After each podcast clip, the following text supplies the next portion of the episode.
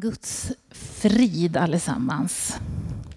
Ja, det här med den heliga andes vägledning, ja, det är så fint när vi inte pratar innan och så ser man hur Gud bara leder i, i olika delar. Och så får man inspiration till sin predikan när jag träffar er och hör er. Jättefint. Ni ska få höra. Jag kanske kan ni hitta en och annan beröringspunkt i det som har skett tidigare i gudstjänsten. Det är så med den helige Ande, han väver ihop allt. Men nu ber vi tillsammans. Eh, och jag tänker man ska alltid be att Gud talar till en. Eh, speciellt när man är i gudstjänst. Så det ska vi be om. Att Gud får tala till dig.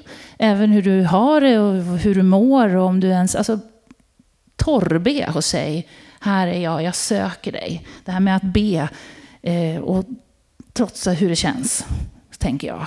Det har vi, vi behöver Guds ord i våra liv. Vi behöver verkligen den helige Andes vidrörande. Det är så alltid, för så är vi funtade, vi människor, med behov efter Gud. Nu ber vi till dig och vi kommer än en gång inför dig och vi ber att du heliga Ande skulle öppna våra hjärtan, att vi hör på lärjungas sätt, att vi hör ditt ord också på det sätt som eh, behövs för den här tiden och som behövs för det vi ska göra. För den här dagen och för det som ligger framför. Jag tackar dig Gud att du älskar din församling, att när den samlas så är du här. Att du rör dig på ett, på ett väldigt liksom naturligt sätt i allt. Att du rör dig i det som sägs, att du finns med din heliga Ande i varje handslag, i varje blick i varje faktiskt atmosfär som vi människor är så duktiga på också att skapa. Jag tackar dig för det här rummet just nu som är skapat till att bli så vackert som möjligt med levande ljus. Och på samma sätt så rör du dig med ditt ljus rätt in i till det mörker som finns över vår jord. Och jag tackar dig Gud att precis som den här platsen får bli så vacker som möjligt så ber vi om platser där din heliga ande får utföra sitt verk. Så att ditt rike breder ut sig, så att ditt ljus tar bort rovdjuret och sätter dit ett fredligt lamm. Jag tackar dig Gud för att vi får öppna vår bibel idag och så ber vi att du skulle tala ifrån din himmel. Amen. Ja, vi ska läsa julevangeliet tillsammans. För mig som predikar ofta så är det alltid spännande att ta ett ställe som faktiskt är vant. Lika väl som det kan vara spännande att ta någonting som inte är så vant så är det också spännande att läsa någonting som man har läst sedan man var liten. Eh, julevangeliet. Hur många av er har stavat sig igenom det som barn hemma i någon julaftonsstund? Ja, man har liksom, mm, nu får du läsa Monica. Okej, och så har man läst. Har ni gjort så? Ja. Utsätter ni er familj nu för det också, de barnen ni har hemma? Nu får du läsa. Ja, det är bra. Jag tänker att det finns någonting i det här att, att nöta in i nya generationer de traditioner som man har. Och nu ska vi faktiskt titta då på julevangeliet idag. Men nu ska vi titta på det utifrån mer än en berättelse, vi ska titta på det med det som den helige Ande har visat för mig idag. Och det, det blir liksom lite annorlunda då, för så är det alltid i en förkunnelse. Eh, rubriken idag har jag kallat för Guds ord. Sen i morse så när jag satt tidigt så eh, la jag till någonting som inte finns på rubriken här om vi får upp. Nu har den dött kanske vår dator eller? Vi får se. Det spelar ingen jo, Guds ord. Och så sa jag liksom ett litet streck och så står det frälsningen.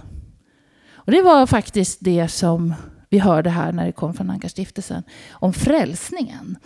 Eh, Guds ord men också frälsning. Det är rubriken. Men jag tänker vi, vi börjar med att, att läsa och så ska vi ha det här fokuset på, på Guds ord, ordet och frälsningen när vi läser. Vi börjar då ifrån vers 1. Jag läser det här. Och det hände vid den tiden att från kejsar Augustus så utgick ett påbud att hela världen skulle skattskrivas. Detta var den första skattskrivningen och den hölls när Quirinius styrde i Syrien. Alla gick då för att skattskriva sig, var och en till sin stad. Så reste också Josef ifrån staden Nasaret i Galileen upp till Judeen, till Davids stad som kallas Betlehem, eftersom han var av Davids hus och släkt. Så han kom för att skattskriva sig tillsammans med Maria, sin trolovade, som var havande. Medan de befann sig där så var tiden inne för henne att föda. Och hon födde sin son, den förstfödde. Hon lindade honom och la honom i en krubba eftersom det inte fanns plats för dem i gästrummet, står det här i den här översättningen. Ja, om vi börjar ifrån det här med ord. Det går ut ett ord. Den, I den här texten så är det ju faktiskt inte Gud direkt som det står om här. Men det kommer att landa i att det här är Gud. Det är kejsare Augustus som ger ett påbud. Och när kejsaren talade i romarriket då gällde det att det finns liksom ingen sån här undantag att man var gravid eller något utan då gällde det att göra som han hade utfärdat. Så det rör sig i landen, i länderna i, lyd, i lydrikena, i romarriket när kejsar Augustus talar och nu gäller det att gå till sin, till sin stad, att tala om att man existerar, skriva in sin fru, eh, tala om vilka som rör sig i landet, alltså om man har fått något barn. Alltså jag antar att det var ett sätt att få lite koll på undersåtarna i, rikerna, i riket, men i lydrikena. Ehm, så det blir ju en, en allmän folk... Eh, vad kallar vi för? Någon slags eh, re, det reser runt liksom folk för att skattskriva sig. I vårt land så, jag tänkte på det, jag gick in och googlade lite snabbt där. Hur, hur, hur gravid får man vara för att flyga? Vet ni, man får inte vara, alltså två månader innan, då får man inte flyga. Och så kan det vara lite olika på olika flygbolag läste jag. Men två månader, nej, då får du inte flyga. För då kan det hända något under flygningen och när man reser. Det kan vara, och man kan förstå att när man rör på sig, det är stressigt, man flyger. Både det att det är lite obekvämt förstås att föda barn på ett flyg, men också det att det kanske blir liksom så stressigt så att det hela kan komma igång. Alltså det finns ju så många olika faktorer tror jag i detta. Och att det kan vara bra att ha nära till ett sjukhus och inte befinna sig bland stjärnorna. Det här, om vi nu tar den berättelsen och tänker på Maria så,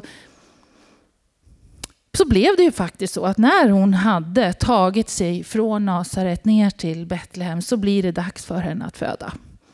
Det kan också ha varit det att det var, hade varit en tuff resa. Det var kanske stressigt. Det var kanske tungt. Och faktum är ju att rör man sig där mot slutet lite mer så kan det liksom komma igång. Vi vet inte. Men det här skedde i alla fall. Alla rörde sig, alla skattskrev sig. Och så gjorde även Josef och Maria. Hur har det här med Gud att göra? Ja, men det är det som är så fascinerande. Att när Gud talar så blir det. Det kan man tänka ibland i sitt eget liv att stämmer det verkligen? Ja, när vi går till Guds ord då ser vi att det stämmer. Redan i Mika, i 700 år innan, så står det så här om just staden Betlehem. Och det här vet vi, men det är ändå fint att få påminna sig om vad Gud en gång har sagt. Men du Betlehem, Efrata, som är så liten bland judatusenden, från dig ska det åt mig komma en som ska härska över Israel. Hans ursprung är för tiden och från evighetens dagar. Det hade ju kanske kejsaren Augustus inte planerat, va? Utan det här är någonting som blir. Varför? Jo, därför att Guds ord är starkt och verksamt. Så nu hamnar Maria och Josef på den plats som finns bestämd för frälsaren. Bara det kan väcka någonting i oss som lärjungar. Tänk att Gud talar sju, liksom länge, länge, länge innan. Och så går det så lång tid. Men så blir dagen där. Det finns ett i Guds ord, det här profetiska. Eller hur? När Gud talar, det finns något profetiskt. Och det kan komma inom kort, men det kan också komma inom långt. I det här fallet tycker man ju att det är länge. Men så händer detta.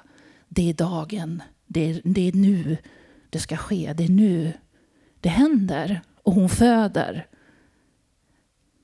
barnet. Frälsningen.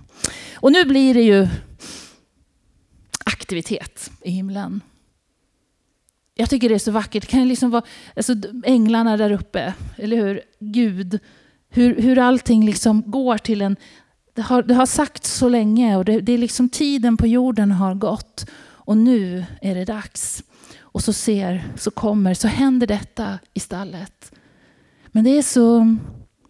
Bara Gud, liksom, Maria, Josef, det är några som vet att det sker. Nu behöver det här förkunnas. Nu behöver det här presenteras. Nu behöver frälsningens nu behöver frälsningen kläs i ord.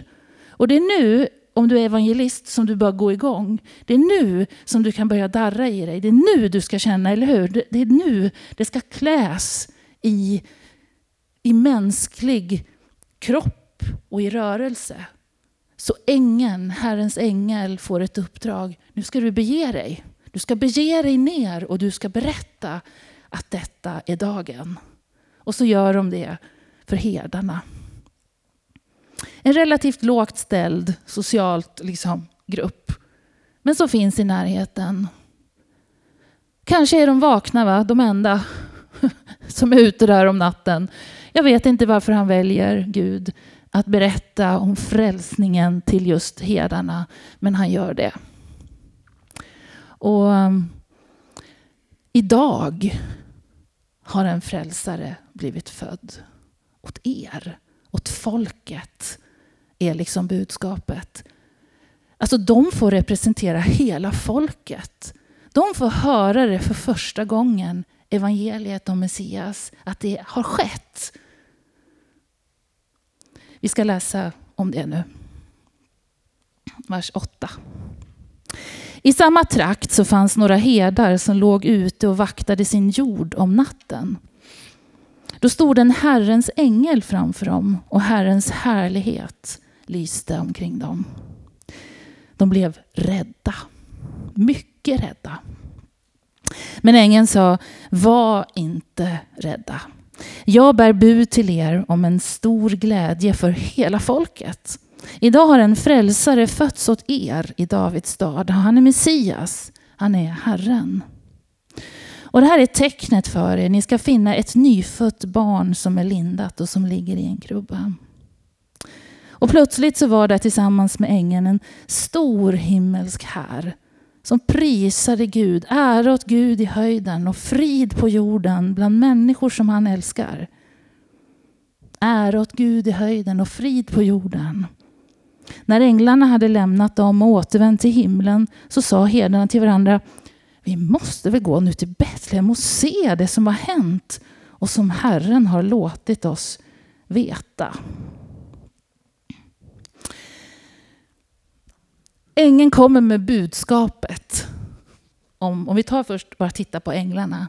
De har ett, fått ett uppdrag att förkunna evangeliet idag för er. Det är en ängel berättar, Herrens ängel, det lyser av härlighet. Frälsningen är här och han får deras totala uppmärksamhet.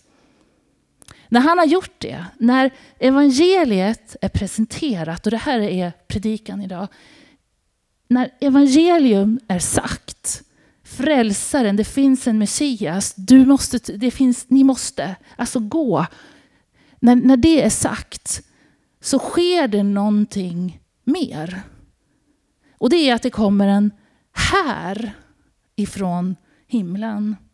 Och det som sker när evangelium förkunnas det är att det väcks en lovprisning. En lovsång. De prisar Gud. Evangeliet kopplas, när det är sant och när det går ut, så väcks glädjen i himlen över att frälsningen förkunnas. Det kommer automatiskt, det hänger ihop glädjen i Gud. Och det är så vackert det de förkunnar. De förkunnar ära åt Gud och frid på jorden. Var? Jo, bland människor som Gud älskar. Och så kopplas evangelium till glädjen och äran och frid på jorden. Evangeliet, lovprisning och frid. Och så ser vi hur änglarna liksom ger oss en bild av hur, vad som sker när du och jag levererar. Jag tänker vi måste dra det till oss själva. När evangelium förkunnas, när du förkunnar evangelium så väcks glädje i himlen och frid på jorden. Ja, det var herdarna. Nej, det var änglarna. När det var herdarna så är det ju liksom samma sak med dem. De lyssnar. Och de tar till sig.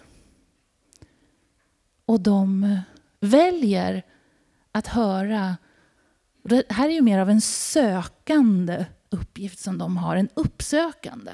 De har fått höra om frälsningen.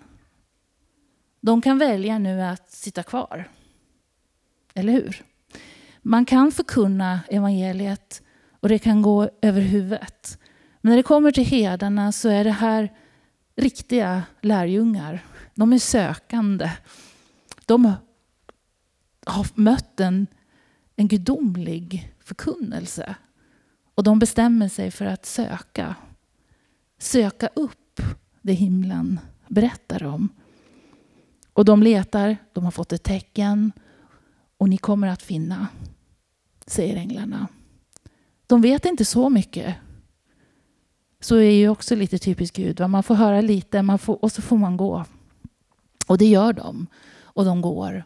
Och vi vet att de, de finner frälsaren, Messias. Vi går vidare i julevangeliet, vers 16. Herdarna de skyndade iväg och fann Maria och Josef och barnet som låg i krubban. När de hade sett det så berättade de vad som var sagt till dem om detta barn. Och alla som hörde det förundrade sig över vad herdarna berättade för dem. Men Maria bevarade och begrundade allt detta i sitt hjärta. Och herdarna vände hem och prisade och lovade Gud för allt de hade fått höra och se. Just så som det hade blivit sagt till dem. De söker och de finner. Jag vet inte vad... Vad är det de berättar? De skulle ha kunnat berätta, vi är utvalda. Kom till oss. Vi, vi trodde inte det, vi trodde bara att vi var helt obetydliga. Vi, vi hade ingen aning om att, om att himlen liksom skulle komma. Ja, vi har sett änglar. Alltså min, erf då kan de, min erfarenhet är, och så berättar de hur det upplevdes. Är det här vad vi läser i julevangeliet? Har ängeln, eller det är så många olika grupper här, har herdarna fokuset på sin upplevelse? Har de fokus på att de är utvalda? Har de fokus på att just de kommer här nu och får... Nej, de har ett fokus på evangeliet. De berättar, säger evangelisten Lukas, om barnet, vad som är sagt om barnet. Och här är en viktig poäng i julevangeliet också. Att evangelium handlar inte om dig och mig. Evangeliet handlar inte om utvaldhet egentligen i första hand, utan evangeliet handlar om Jesus. Och det är vad de berättar. En frälsare har blivit... De sa att det var en frälsare, att det var Messias. Ängeln sa, att, och så berättar och så är det precis så. Och här är ni. Och det här är Messias. Det är vad de säger. De är helt oviktiga själva. Allt fokus är i krubban. Och det är viktigt att ha det fokuset som lärjunge. När de har gjort det och berättat om Jesus så vänder de tillbaka. De lämnar en förundran i rummet och så går de tillbaka till sin jord. Men vad händer när de har berättat om frälsningen? Jo, även de uppfylls med en glädje. Helt otroligt. Och så prisar de Gud. Ser ni det i texten? De lovar och prisar Gud. Tänk, det var precis som du sa. Och så väcks en lovprisning i herdarnas hjärtan. Precis som det var i änglens förkunnelse och lovprisning. När herden förkunnar vem barnet är så går de därifrån med en andefylld liksom, upplevelse utav att de har varit med om någonting mäktigt. Det här finns bara i evangeliet. Du kan leva ditt liv och du kan uppfyllas av mängder med olika ting. Men när det kommer till att förkunna evangelium, att tala om Jesus, den glädjen och den fascinationen som det finns, den eftersmaken, eller hur? Den finns bara i Guds liksom, församling, i Guds rike. Den är något alldeles extra som du och jag som församling måste leva i. Som du och jag som enskilda åter och återigen liksom måste ta tillbaka in i våra liv. De berättade om Jesus, det lilla barnet där, ett spädbarn. Och så var det Messias. Och det väcker lovprisning. För det är frälsningen, det är Messias. Det är världens räddning. Om man tittar på Guds ord här nu så har det ju varit en profetia. Men nu har det förkunnats på denna dag när det sker. Och det väcker mängder med saker när Guds ord, när ängeln säger, alltså när evangelium förkunnas så blir det aktivitet. Det rör på sig, människor går, människor söker, människor förundras. Människor uppfylls av glädje och tacksamhet till Gud. Det blir någonting nytt som sker utav kunskap, andlig kunskap kring vad som är av Guds vilja. När evangeliet förkunnas så läggs mängder med saker till rätta i presens, i nutid. Så det finns Guds ord som är liksom talat tidigare, men det finns också en enorm effekt när Guds ord talas i nuet. Och så ska vi gå vidare. Jag är liksom som lärare nu. Det som har hänt, det som sker och det som kommer att ske. För nu kommer vi titta lite framåt. För vad de andra i rummet, det står att de var förundrade. När du hör predikan eller när du märker, när du hör eller läser något i Bibeln och så kan du bli förundrad. Så är vi människor. Vi kan, wow, tänker jag, och så står det där i Mika. Och så, vi kan förundras över Guds ord. Vi kan förundras över vad, tänk att det blev så här och så vidare. Och så kan vi vara i de här and, den andliga atmosfären och förundras över, wow, det är alltså så att den heliga ande har verkat här. Det här stämmer, det här känns bra. Men det räcker inte när det kommer till Guds ord. För Guds ord är, det går att förundras och sen sluta förundras. Det går att förundras och sen tappa bort det. Det går att förundras och sen jaga så mycket vidare ut i livet så att sen blev det bara vardagen kvar. Och det är då Maria är, hon är ju faktiskt fjärde advents eh, person som vi nämner ofta i kyrkan. Och nu ska vi ta henne också här. Vad står det om Maria här? Jo, det står att hon Ja, det är egentligen det som låg där. Det står att hon, vad står det att hon gör? Det står, ja, en gång till. Ja. Yes.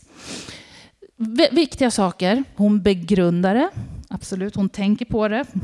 Och sen liksom tar hon in det och gömmer det. Så är det. Och var lägger hon det?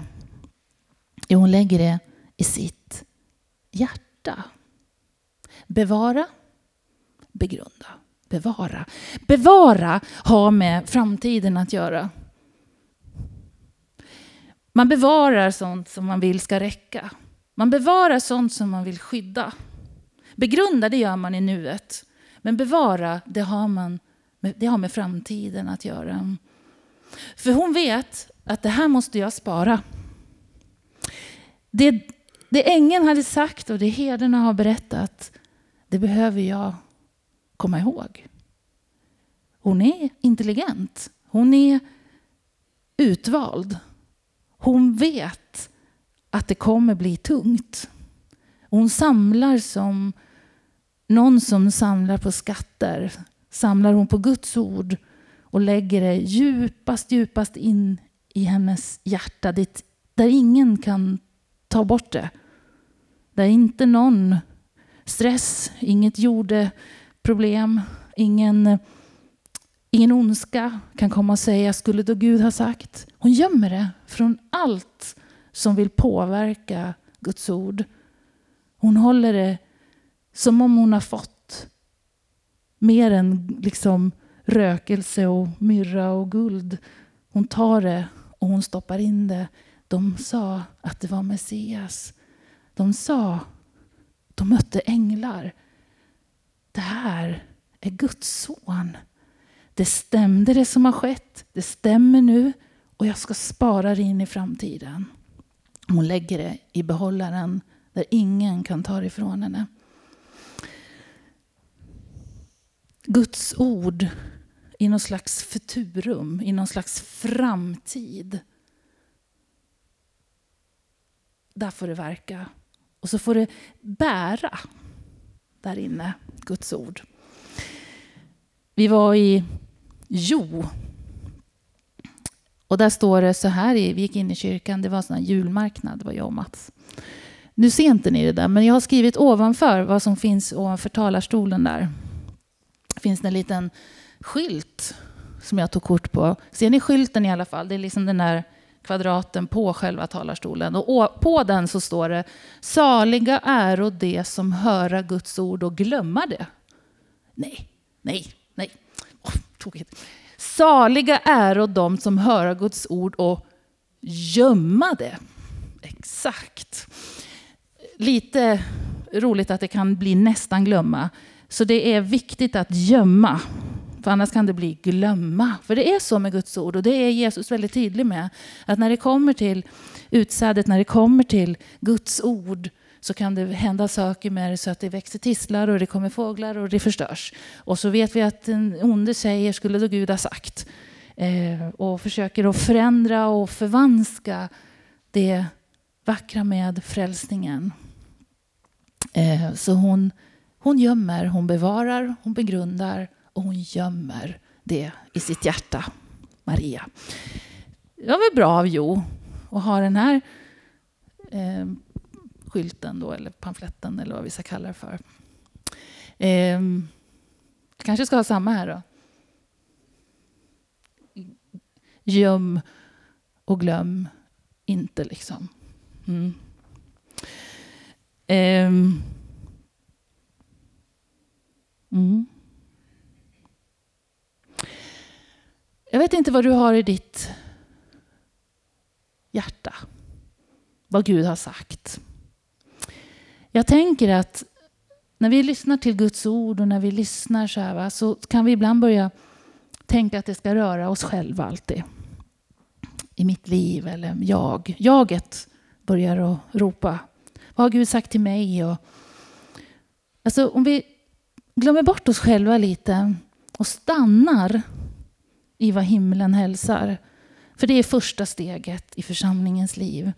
Det är att åter och åter igen fascineras över Jesus, över barnet, över frälsningen. Vi blir så lätt egocentriska. Vad är det han säger till församlingen idag? Jo, fortfarande så gäller Johannes 3 och 16. Ty så älskade Gud världen att han gav oss sin enda son sin enfödde. För att var och en som tror inte ska gå under utan ha ett evigt liv. Han sänder inte den sonen till jorden för att döma utan för att få frid på jorden. Ära och frid. Det är julens budskap. Eller hur? Det är ju vad vi läser här. Det är precis det som är så bra att vi gör i kyrkan en gång per år. Att vi talar om frälsningen. Att vi också naturligtvis firar nattvard och kommer ihåg vad Jesus faktiskt, vad, vad målet är med jordelivet. Korsdöden, uppståndelsen och återvändandet. Men det behöver börja här va, vid jul. Och redan här vid spädbarnets liksom, tid så förkunnar himlen frälsningen.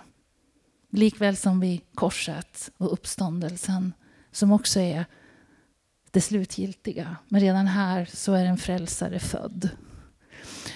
Vad betyder det för dig och mig? Jo, det betyder att vi ska be Fader vår som är i himlen, helgat vare ditt namn, tillkommer ditt rike, ske din vilja. Liksom att vi är här uppe. Tack för vad du...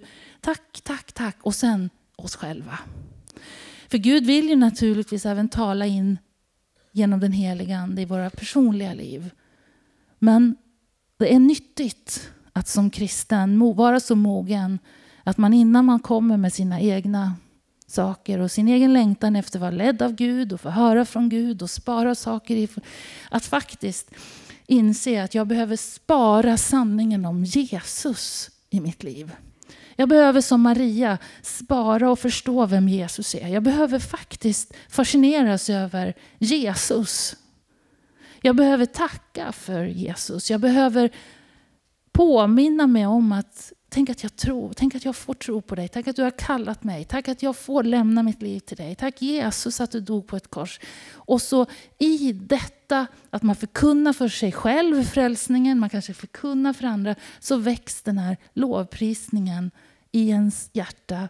Att man prisar Gud och önskar frid till sin omgivning. Att man prisar Gud och önskar frid. Sen kan man ta sitt eget.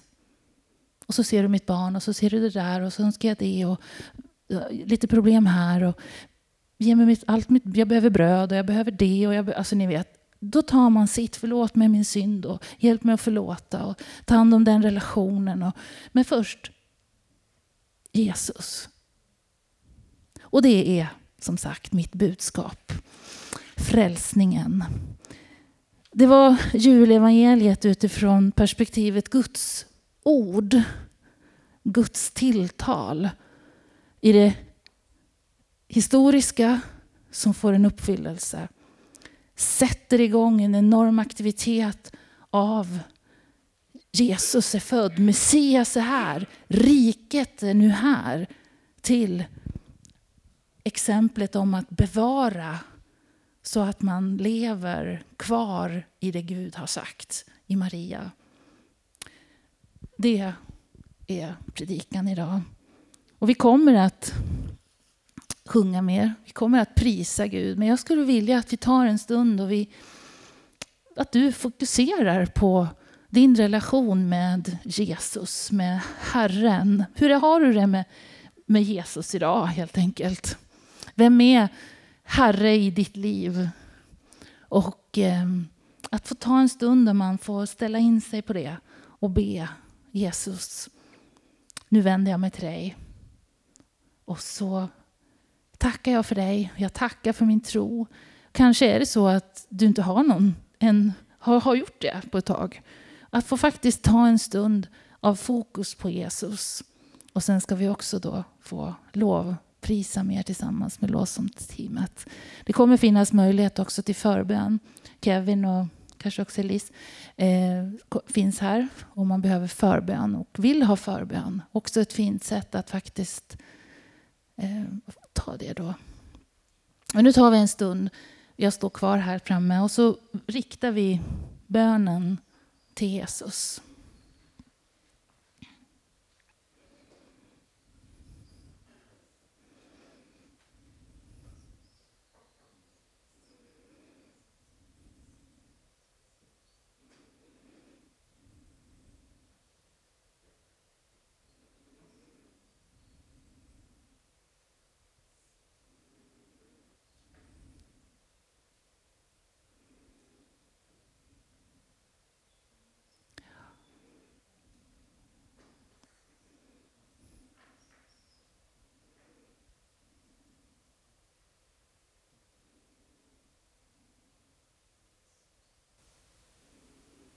Tack Gud att du sände Jesus. Tack för all förberedelse i, genom Gamla Testamentet. Tack för allt som var sagt ifrån din himmel och som till slut blev. Jag tackar dig för att Jesus föddes. Jag tackar dig för allt som skedde då, det vi faktiskt får läsa om. Det är så dyrbart att vi har det på skrift. Att vi får läsa och se vad, vad som hände i himlen, vilka som fick del av det, hur det sen började spridas. Jag tackar för exemplet Maria som tar ditt ord, din hälsning och bär det i sig. Jag tackar dig för också korset så småningom. Jag tackar dig för frälsning och för ljus som du visade när du gick här. Jag tackar dig för att idag så gäller detsamma idag. Tack att du har sänt din son till världen även för oss som lever här 2022. Jag tackar dig för det som du betyder i, som vi har hört, fängelser, i, i familjer. Tack för vad du får liksom kliva in med din frälsning och med din räddning i olika situationer också i vår tid, i vår värld. Jag ber för det som vi själva fick vara med och sprida i spåret här uppe utav evangelium för några veckor sedan. Tack för allt som har skett under de här veckorna där du fått liksom kanske komma nära någon genom evangeliet som vi inte vet om. Hjälp oss som församling att lyssna, att gå, att vara lyhörda för det som sker utanför oss själva. Det som har med frälsning och med upprättelse och med ditt ljus att göra.